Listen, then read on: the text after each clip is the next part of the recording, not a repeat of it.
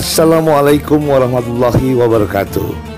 Selamat datang Kurmaku, kajian untuk Ramadanku. Spesial Ramadan, pertanian dan teknologi podcast. Selamat mendengarkan.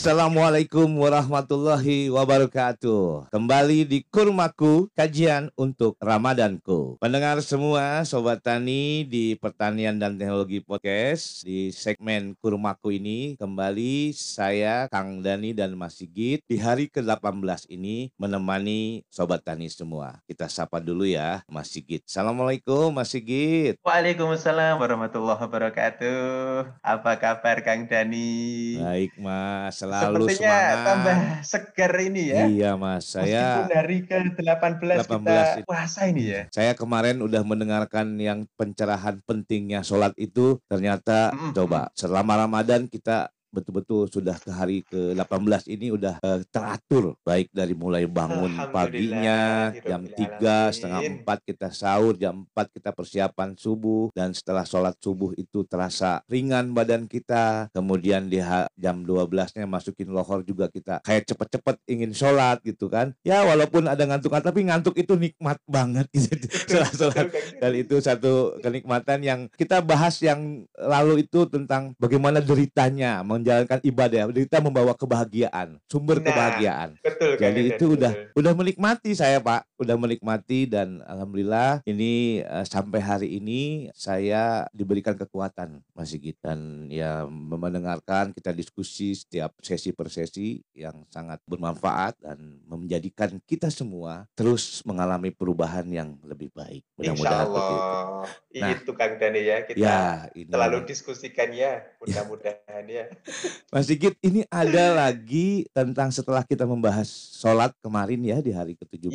ya. Di hari ke-18 ini ada istilah namanya fadilah, fadilah sholat Mas Sigit. Nah itu saya juga ingin mendapat pencerahan, mungkin Sobat Tani semua juga ingin tahu apa yang dimaksud dengan fadilah, fadilah sholat. Ataukah kita menjalankan sholat itu sudah benar atau kual- berkualitas, yang bagaimana sholat yang berkualitas seperti apa, yang kan hanya Allah yang tahu ini Mas Sigit. Tapi kita berusaha untuk menjadi baik dan benar. mungkin Mas Sigit bisa bercerita sedikit tentang fadilah-fadilah sholat ini Mas Sigit, monggo. Baik, baik, baik. Terima kasih Kang Dani. Assalamualaikum warahmatullahi wabarakatuh. Bismillahirrahmanirrahim. Innal hamdalillah nahmaduhu wa nasta'inuhu wa nastaghfiruh wa na'udzu billahi min syururi anfusina wa min sayyiati a'malina. May yahdihillahu fala mudhillalah wa may yudlil fala hadiyalah. Alhamdulillahirabbil alamin. Hari ke-18 Kang Dani. Iya, Mas. Insyaallah kita selalu memohon kepada Allah mencurahkan nikmat karunia-Nya, kita tetap dapat menunaikan kewajiban, terutama puasa kita ini menjadi lebih baik terus ya Kang Dani ya. Amin, amin. Kemudian di dalam menunaikan ibadah puasa, tentu ini menjadi ajang latihan untuk ibadah-ibadah lainnya. Karena Allah memberikan kesempatan pahala yang lebih banyak yang diberikan pada waktu bulan Ramadan. Kalau pada hari biasa, pahala sholat itu satu misalkan, maka pada bulan Ramadan itu dapat ditingkatkan menjadi 100 kali atau bahkan 700 kali sekehendak Allah saja Hmm. karena Allah Maha berkehendak. Mau diberikan pahala sebanyak apa pun, Allah alam, Allah Maha Kuasa oke. untuk itu. Jadi kesempatan ini menjadi pendorong kita, Betul, pendorong umat Islam untuk menjadi ajang latihan. Salah Hmm. satunya adalah kita meningkatkan kualitas sholat yang selama ini sebetulnya sudah kita tunaikan. Mas. Nah, kalau pada hari kemarin kita membahas pentingnya sholat itu, maka di sini pada hari ini kita menyinggung sedikit ya, Kang Dani Ya, ya, iya, Mas. mendiskusikan untuk fadilahnya sholat. Seperti yang kita ketahui, Kang Dani ya, sholat itu sebetulnya salah satu satu-satunya amalan ibadah yang oleh Allah dihisap pertama kali, diperhitungkan amal ibadahnya pertama kali pada hari kiamat itu adalah sholat. Oh, jadi eh, semua perbuatan kita, amal kita yang paling dilihat terlebih dahulu adalah sholatnya itu. Yang Betul. pertama kali Pertama kali. oleh Allah adalah sholatnya. Oke. Bahkan dilanjutkan kata Rasulullah, ketika amal sholatnya itu baik, maka dia termasuk yang beruntung. Karena Allah memberikan kesempatan nilai amal ibadah lainnya juga akan baik. Mengikuti baiknya sholat. Tetapi sebaliknya, jika amal ibadah sholatnya itu buruk, jelek, maka Allah juga akan mengikut sertakan amal ibadah lainnya yang selain sholat itu menjadi nilainya buruk juga. Oh, Wah ini kan menjadi pencermatan kita ya Kang Dani Iya, ya. iya, iya. Jangan sampai gara-gara sholat yang seharusnya amal ibadah, misalkan ada yang amal ibadah sedekahnya, zakatnya tinggi sekali, banyak sekali. Iya. Atau puasanya banyak, bagus. Puasa Ramadan, puasa sunatnya bagus. Tetapi di sisi lain amal sholatnya jelek. Nah, Oh. Kang Dani, Iya. ini berpeluang sesuai dengan hadis Rasulullah tadi dapat jadi amal ibadah puasanya tadi dianggap jelek. Masuk Oh, kategori oke. yang tidak baik karena terseret tidak baiknya amal sholat. Sholatnya. Nah, jadi ini menjadi penting bagi kita semuanya bagaimana kita meningkatkan kualitas ataupun kuantitas pun dalam menunaikan, Sholat. menegakkan amalan sholat. Oh. Apalagi pada saat ini kita di pada waktu bulan Ramadan. Ramadan. Bulan Ramadan itu janji Allah apa Kang Dani? Amal ibadah Amal itu akan akan ditingkatkan ditingkatkan pahala ganjarannya, pahalanya. dilipat gandakan. Nah, ini kesempatan Kang Dani. Jangan sampai kesempatan yang diberikan Allah ini kita abaikan, kita sia-siakan. Wah, tidak kita tangkap, tidak kita pegang peluk erat-erat. Iya. Wah, itu kan menjadi sayang. Maka ya harus kita sadari bahwa amal ibadah sholat itu begitu kita tahu pentingnya seperti itu, maka kita tingkatkan dengan fadilah-fadilah keutamaan dalam menegakkan amalan sholat. Oh, Nah, gi- Bagaimana Kang Dani ya caranya? caranya dari gimana Mas gitu? Nah, ini yang penting ya. Ya kadang-kadang kan saya sholat, ya kadang, wah saya udah nggak sholat nih. Saya belum tahu juga kadang-kadang ya apakah bacaannya atau Betul, betul. betul. duduknya atau eh, kurang fasih bacanya atau seperti apa Mas gitu? Betul, betul. Memang kalau dalam bahasan terdahulu kayak yang pernah kita ikuti bersama Kang Dani ya, Iya. untuk mencapai khusuk. Batasan khusuk itu kalau setingkat Nabi dan Rasul merupakan kewajiban yang harus diperoleh pada waktu menunaikan sholat. Sholat ya. Tetapi bagi umatnya, termasuk kita semuanya ini, umat yang awam, maka khusuk itu sampai batas sunnahnya sholat, bukan Hmm. menjadi wajibnya sholat. Karena kalau disebut wajib atau rukunnya sholat, itu harus ditunaikan, harus ada di dalam sholat itu. Tetapi kalau kita harus mendapatkan khusuk, menjadi bagian dari rukun sholat, nanti sholat kita tidak dianggap sholat, Kang Dani, kan? Iya. Karena kita juga semuanya belum tentu bisa khusyuk. Iya. Maka eh, fa- dari ijma para ulama khusyuk bagi umat Rasulullah, bagi umat Islam Seperti kita ini ya. itu merupakan eh, merupakan bagian yang sunat saja, Sunat. tidak sampai pada tingkatan rukun sholat. Oke. Nah, untuk mencapai khusyuk atau meningkatkan kualitas sholat itu banyak hal Kang Dani yang harus Iya. kita kita laksanakan ya. Misalkan yang pertama sebagai syarat dari sholat itu kita pahami suci dari hadas besar dan hadas Kecil. kecil. Ya. Hadas besar kita maklum dengan membersihkannya, mensucikannya dengan mandi besar. Ya. Kemudian kalau itu kan hanya pada saat tertentu ya. Ya. Yang selalu sering harus kita tunaikan adalah menyucikan diri dari hadas kecil, Ya. yaitu melalui Wudhu. wudhu, Ya. air wudhu itu ya. Maka dalam menunaikan wudhu itu juga harus memenuhi kaidah-kaidah yang sempurna agar berefek kepada meningkatnya kualitas sholat kita. Oke, dari mulai wudhu ya.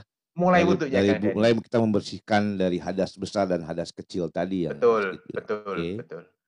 Kemudian yang kedua, setelah wudhu kita upayakan sebaik mungkin, maka seyukyanya pada saat setelah wudhu itu sebaiknya tidak melakukan aktivitas lain kecuali hal-hal kecuali hal-hal yang mengarah kepada pelaksanaan sholat. Misalkan ini, akhir-akhir ini kan kita sering dengan kesibukan yang amat banyak, maka HP ini tidak akan terlepas dari tangan kita ya. Iya, betul. Bahkan pada saat setelah wudhu pun Pegang masih sempat-sempatnya Ya buka Allah, HP. Nah, itu, ini Kang tuh, Dani. itu, ya, ya, ya. itu itu harus kita cermati. Jangan sampai uh, kita membuka HP ini akan terbawa, Kang Dani, terbawa terbawa dalam pikiran kita, menjadi masuk dalam sholat kita. Ini yang bahaya Wah, ini. ini yang belum Ini ini ini ya. ini jangan Habis wudhu, Kang Dani. habis wudhu kadang-kadang lihat HP dulu, kemudian di HP ada sesuatu yang membuat kita tidak Betul, baik betul, ya Kang akhirnya betul. Betul. Ini ini yang, Ini yang kita khawatirkan Ya. merusak dari kekhusyuan sholat kita pada nantinya, Kang Dani. Jadi jangan sampai lah ya hal-hal di luar sholat ini terbawa di dalam sholat jangan sampai. Justru yang benar hal-hal sholat, nilai-nilai sholat kita bawa di luar sholat itu yang Betul. benar, Kang Dani ya. Iya, iya. Benar Mas Dikit. Aduh. Kemudian yang ketiga, Kang Dani, dalam menaikkan sholat wajib, sholat lima waktu, itu upayakan dengan berjamaah. Jamaah ya. upayakan dengan Berjamaah. Apalagi kita sebagai laki-laki, maka upayakan berjamaahnya di masjid. Masjid. Masjid itu apa sih? Masjid itu apakah masjid yang selalu besar, yang selalu digunakan untuk sholat Jumat? Boleh itu disebut masjid. Tetapi sebetulnya sebutan masjid adalah tempat sholat yang menjadi sah digunakan sholat oleh umat. Hmm. Siapa pun umat Islam itu berhak menunaikan sholat di situ, itu disebut masjid. Kalau kita pernah mendengar musola, Musola. surau, langgar, itu sebetulnya nama lain dari masjid, Kang Dani. Oke. Kita boleh-boleh aja jamaah dengan di surau, Surau atau di musola. ya. langgar. Tapi jangan disebut sholat di langgar boleh enggak ya? gitu. Tergantung dinya, Kang Dani. Iya. Kalau dinya itu disambung, nggak boleh Oke. sholat Se- di langgar Memang ya. sebutan langgar itu ya di Jawa Barat, di Jawa ya sebutan Iya. langgar itu musola itu. umum ya, umum betul, ya. betul. Jadi kalau di langgarnya itu ada spasinya, ya nggak Ah, apa-apa ya Kang Dani Iya. ya. Jadi Jadi- berjamaah ya, berjamaah itu Berjamaah Iya. Kang Dani. Terus kemudian yang sering kita dapat informasi dari para ulama itu kita ini mem- memperoleh memaknai dari bacaan-bacaan sholat Kang Dani.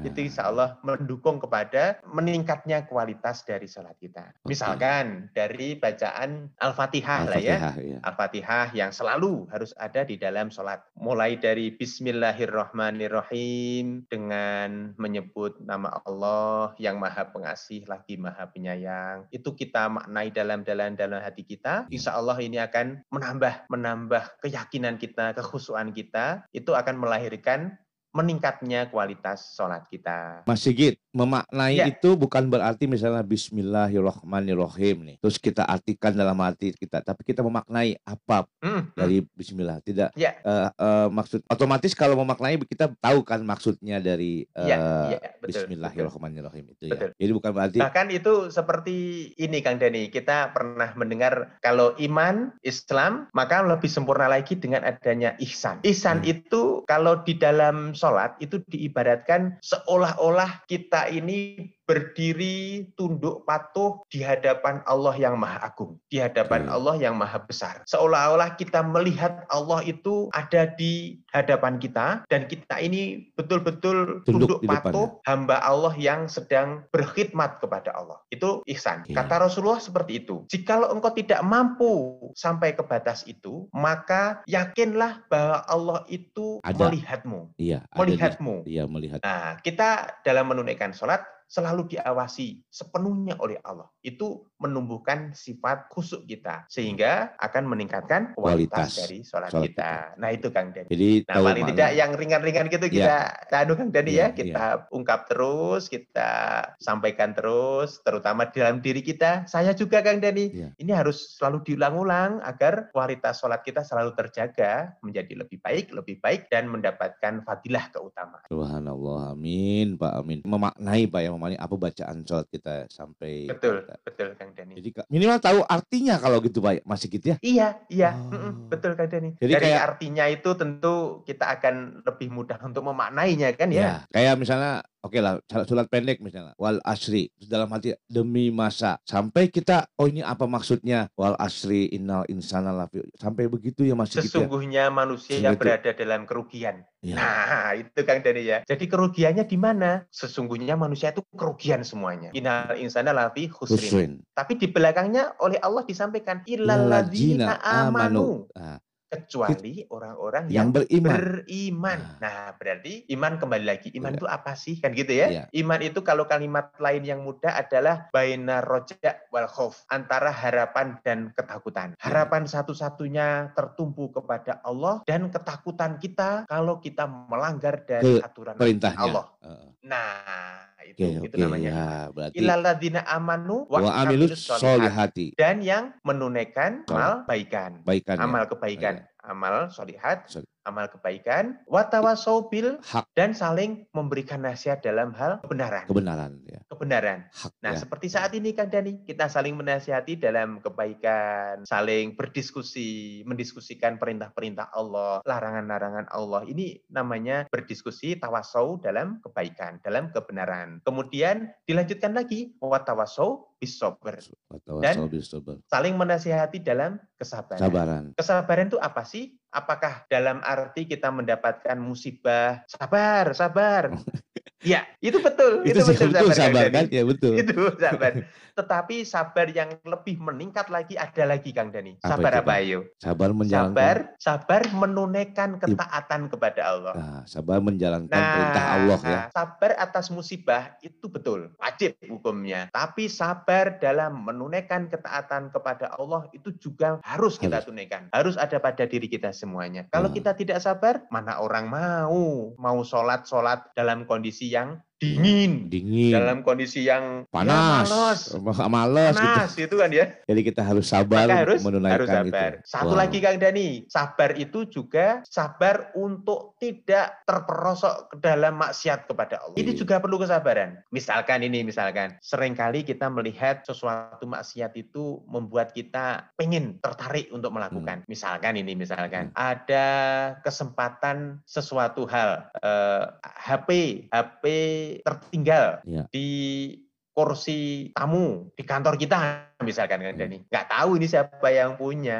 dan kesempatan kita lewat di situ pasti ini kita akan tertarik ah saya ambil ah toh nggak ada yang tahu ya Wah, Ah, gitu HP-nya bagus lagi. ini nah makanya ini sabar untuk tidak Waduh, iya menunaikan men- melakukan kemaksiatan itu juga butuh kesabaran Dan Kang Dani. itu eh, teralami dalam kehidupan sehari-hari loh Mas. Betul, betul. Itu yang ini sering- sering kali bukan berarti sholat, zakat, puasa itu aja Kang Dani Iya, amal betul. kebaikan, tapi meninggalkan maksiat itu merupakan amal kebaikan juga Kang Dani dan Wow. butuh kesabaran. Sabar. Jadi insya Allah dengan berawal dari kita fokus kepada amalan-amalan kebaikan, insya Allah sholat kita juga pun juga terbingkai, terbingkai tidak melayang ke mana-mana sehingga Itulah. meningkatkan Kualitas. kualitas sholat kita. Kalau fadilah. kualitas sholat kita, maka fadilah sholatnya akan tercapai, Tercapai. akan ter- terpegang kita ya, akan dapat kita raih. Baik, wah Mas Itu Sigit Kang ya. Dani. Dari mulai kita membersihkan hadas besar dan hadas kecil, Atas kecil. kemudian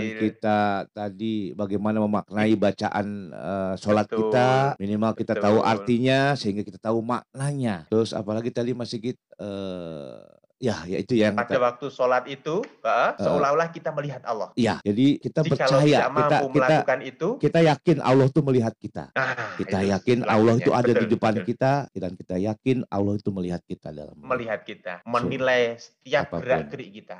Itu Kang Denny. Subhanallah, Mas Sigit ini. Ini ini yang yang saya belum nyampe tadi yang arti dan makna itu. Saya harus belajar ini Mas Sigit. Iya, Mulai saat ini sampai harus kita belajar. tidak paham ya, Ya. karena itu amal ibadah yang utama dalam agama Islam Ya. kita tercinta ini ya. Wah, ini mesti kita bahas di sesi berikutnya nih kayaknya kita Insya bagaimana Allah, kita memaknai bacaan-bacaan sholat kita kayaknya perlu perlu nanti bagaimana belajar kemudian minimal kita tahu artinya dari bacaan kita yang sering kita baca setiap sholat Mas Sigit ini saya baru tahu bahwa fadilah sholat itu seperti apa dari tadi sungguh yang sebetulnya tiap hari kita lakukan tapi kita Benar belum belum sekali. menyadari apa yang yang betul-betul berkualitas dan bagaimana mem- membawa supaya sholat eh, kualitas sholat menunaikan sholat itu kita eh, baik dan benar di mata Allah. Ya. Wah, Mas Sigit ini terima kasih ini di hari ke-18 mendapat pencerahan lagi. Semoga eh, Mas Sigit sehat selalu dan Amin, amin. mudah-mudahan kita semua juga diberikan kekuatan untuk Dan menjalankan. seluruh saudara-saudara kita Kang Dani ya, Ya. sehat, awal afiat semuanya sehingga